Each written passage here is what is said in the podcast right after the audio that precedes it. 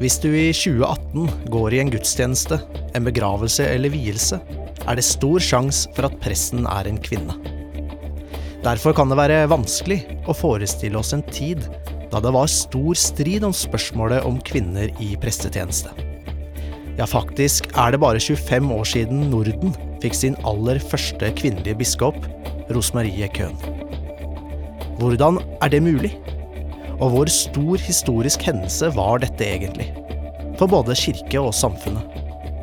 Og hvor stor betydning var det at det var nettopp Rosmarie Köhn som ble den første?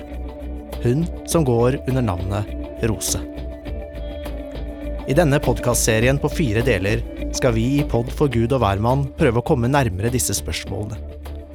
Vi skal gå historisk til verks, Første episode gir oss en større forståelse av hvordan det var å være kvinne og å studere teologi på 60- og 70-tallet.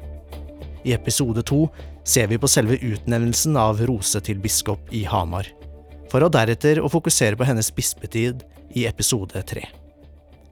Fjerde og siste episode handler om arven Rose etterlot seg. Alle intervjuene er gjort av Jon Arne Johansen Harby og Britt Agnete Enemo. Tiden er moden. Med denne bispevigsling er det tatt et nytt skritt på veien til fullt likeverd.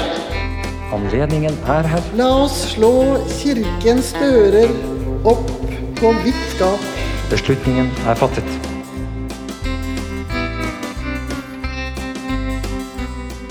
Episode 1 Veien mot Hamar.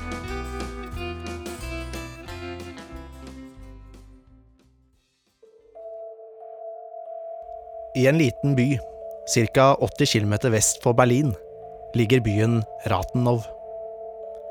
Carl Max William Köhn var optiker, og møtte Eva Mathilde Sørli på en av sine reiser til Skandinavia. De giftet seg, og den 20. oktober 1939 fikk de sin rose. Far Carl ble sendt ut i krigen, og etter hvert satt i amerikansk fangenskap. Da reiste Rose med sin mor Eva til Norge på et Røde Kors-skip som skulle til Oslo. Og kort tid før jul ankom skipet Oslo, og Rose fikk møte sitt nye hjemland. Rose ønsket å studere teologi, og begynte å studere ved Det teologiske fakultet, som er en del av Universitetet i Oslo. For å få et lite innblikk i hvordan det var å studere på denne tiden, spurte vi dekan Aud Tønnesen, som er spesialist på norsk kirkehistorie. Så er det jo det å si at når hun da begynte å studere teologi i 1960, så kom hun jo inn på et tidspunkt da kvinnepreststriden var kanskje på sitt høyeste nivå. Eh, for sommeren 1960 så var Ingrid Bjerkas blitt ferdig med sitt praktikum. Og hadde jo gitt tydelig uttrykk for at hun hadde til intensjon å søke prestestilling. Eh, I tillegg så var jo loven blitt endret i 1958, slik at menighetene som tidligere hadde hatt en reservasjonsrett, ikke lenger hadde det. Så veien var på en måte åpen. Så hun kommer jo inn eh, på et tidspunkt hvor nettopp kvinnepressspørsmålet eh, står på agendaen. Og det var jo en del av miljøet. Eh, samtidig så, så, var vel ikke kanskje nødvendigvis det som preget hverdagen for Rosa. Så når hun begynte å studere, så var jo også teologistudiet den gangen lagt opp sånn at du begynte med de klassiske språk. Så du var på en måte inne i filologien før du egentlig kom inn ordentlig i teologien. Um, så Rose begynte jo med, med hebraisk studier. Uh, noe som jo fikk stor betydning for henne, for hun ble jo også senere Eh, senere hebraisk lærer. Eh, hun har jo selv skildret litt av dette miljøet hun kom inn i. Altså hun, og hun var jo en seriøs student. Altså det merker man jo.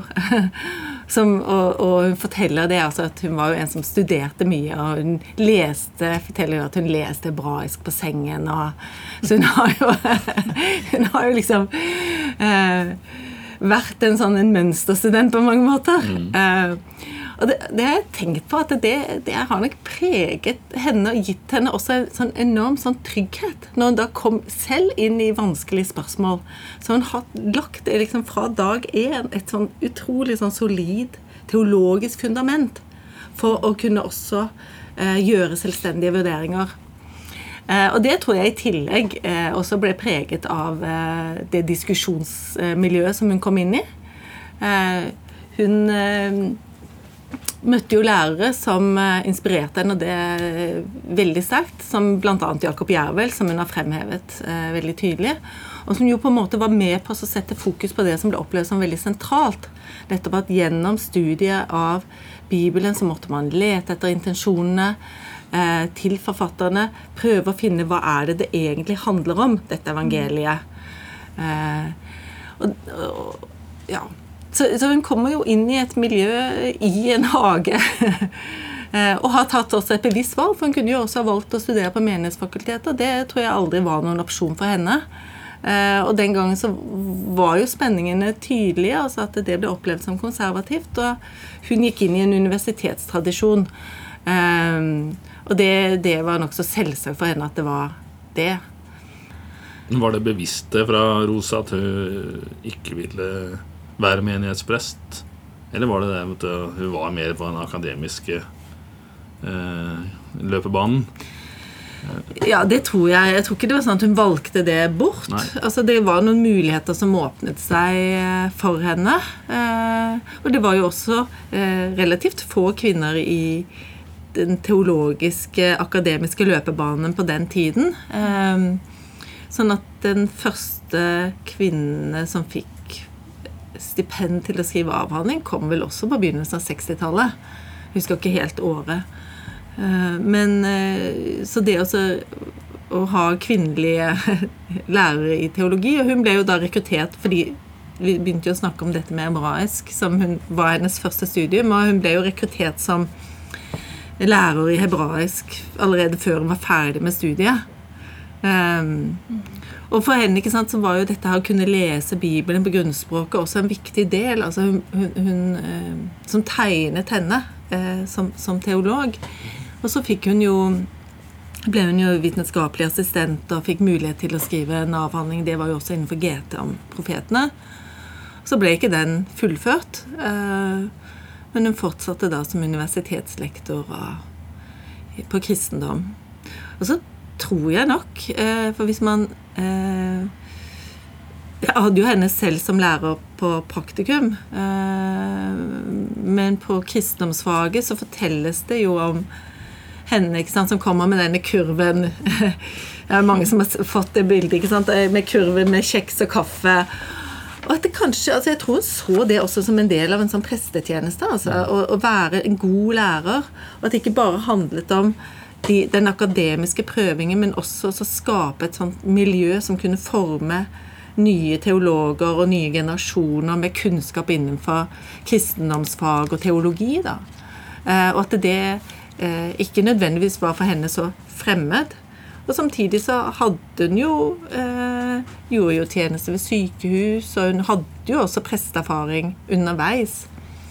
Men jeg, jeg, tror faktisk at for henne så, så, opplevde hun egentlig det som et kall. Å være også lærer for nye generasjoner av eh, både kristendomskandidater inn i skolen og eh, etter hvert også på praktikum. da, Og være med å utdanne nye generasjoner av prester.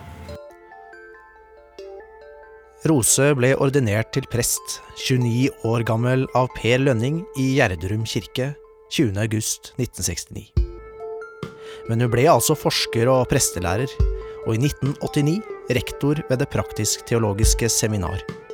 Også her som første kvinne. Kvinneprestspørsmålet opptok mange selv i årene etter at Ingrid Bjerkås ble ordinert i 1961. Biskop Solveig Fiske forteller om sin studietid ved det andre store studiestedet i landet som utdannet prester, Det teologiske menighetsfakultetet. Så da jeg kom til Menighetsfakultetet, så kom det overraskende på meg at det var en så kvass diskusjon om eh, kvinners prestetjeneste. Eh, og var eh, heller ikke så klar over all den kirkelige diskusjonen som var generelt om det. Fordi det var slik at fra Freyr, der som jeg kommer fra, det bodde på den tida 2000 innbyggere, og det var allerede to jenter som studerte teologi. Eh, så jeg tenkte at dette var naturlig. Og jeg tenkte heller ikke noe spesielt over hva slags fakultet jeg skulle ha begynt på. Jeg begynte på det som de andre hadde begynt på, Menighetsfakultetet. Og helt fra første dag så var denne erfaringa av at dette var et høyt diskusjonstema. Eh, og det var, jeg vil si, krevende, og det var utfordrende, for ikke å si at det var vanskelig. Hva var det diskusjonen gikk på? På om kvinner kunne bli prester. Sånn i det hele tatt, om de kunne bli? Ja. Og det opplevdes jo eh, Kanskje ikke helt fra første dagen, men det opplevdes eh, underveis som at det veldig tydelig ble satt spørsmål ved eh, ens tru, ens kall, ens personlige integritet. Eh, jeg husker det var arrangert et, eh, et seminar om eh, kjønnsroller. Og som ny student så var det slik at jeg tenkte at Nei, men dette kan Hva er det som blir sagt? Um, og det var jo kanskje ikke så god kutyme at en ganske ny teologisk student tok um, ordet. Men jeg bare kjente at jeg måtte spørre, og så spurte jeg omtrent noe sånn et ganske ukvalifisert uh, sånn faglig, men veldig personlig spørsmål. Men hva er det jeg har tenkt å bruke oss til, da? og da reiste professor Edvin Larsson seg når jeg gikk ned fra talerstolen, og så sa han Du skal bli prest. Mm. Eh, og det eh, opplevde jeg som så befriende at det var lærerkrefter eh, som sto sammen med den gruppa studenter som arbeidet for kvinners prestetjeneste. Og dette er jo eh, fra 1973 og utover, og Ingrid Bjerkås var jo ordinert i 1961. Så det sier noe om lenge dette hang ved. Og det var jo slik på den tida at det siste studieåret var ikke åpna på Menighetsfakultetet enda da. Så det var en, jeg vil si det var, en, det var uh, sterke diskusjoner uh, som rett og slett gikk inn på den enkelte sin personlige integritet. For når vi snakker om dette her, så handler ikke bare det om teologfaglige spørsmål. Det blir også helt personlig. Fiske forteller videre at det opplevdes utfordrende å være student på denne tiden. Det, det er, og jeg syns det var vanskelig. For det var også det var også såpass heftig at jeg husker etter et, et program jeg hadde vært med på i NRK, så møtte jeg en student, annen student i trappa på MF. Og så sa han til meg du har Satans merke på panna di, du, sa han. Og jeg um, Altså eh, det, det, var sånn at jeg tenkte Neimen eh, Dette har du ikke rett til å si, sier. Dette, sant da, sant da. Men jeg husker det jo. Ikke sant? Eh, men det sier noe om hvor, eh, hvor, heftig det var.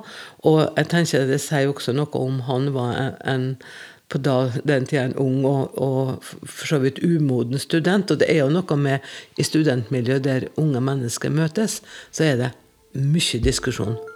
Det var altså en opphetet debatt om kvinners pressetjeneste i Den norske kirke. Men hva så med Hamar bispedømme? Dette stedet som huset biskop Schjelderup, han som ordinerte den første kvinnelige presten i Norge. Biskop Fiske forteller. Og for meg og for oss å komme til Elverum, komme til Hamar bispedømme, det var sånn at jeg opplevde at verden lå åpen for oss. Og jeg følte at jeg pusta så fritt. Jeg pusta så fritt. Det var liksom, Jeg la bak meg alt det her som hadde vært med diskusjoner om kvinners prestetjeneste, og bare gikk ut. Og det, og det var så utrolig frigjørende.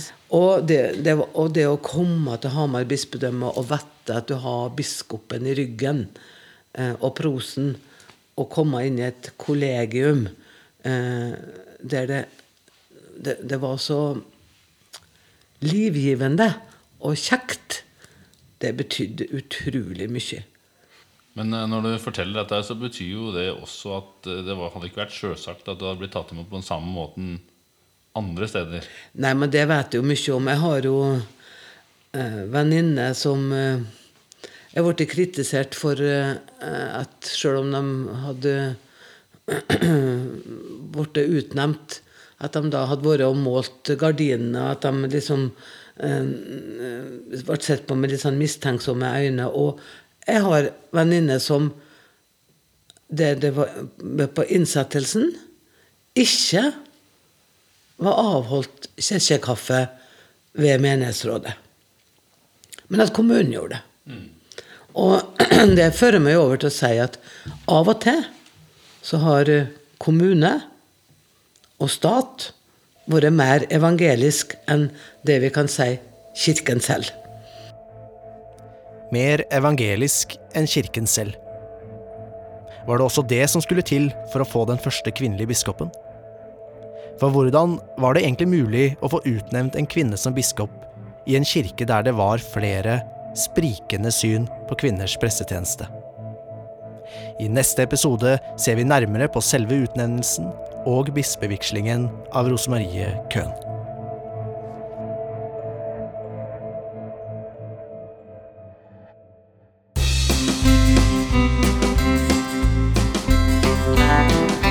I denne episoden hørte du stemmene til Aud Tønnesen og Solveig Fiske.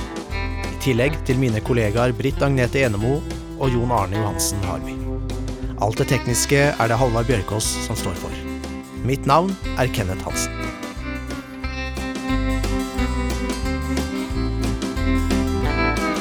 Neste episode av Pod for Gud og hvermann får du automatisk med deg hvis du følger oss på Soundcloud eller abonnerer på iTunes. Følg også Pod for Gud og hvermann på Facebook. Har du lyst til å jobbe som prest i Hamar bispedømme? Ledige stillinger finner du på kirken.no – hamar.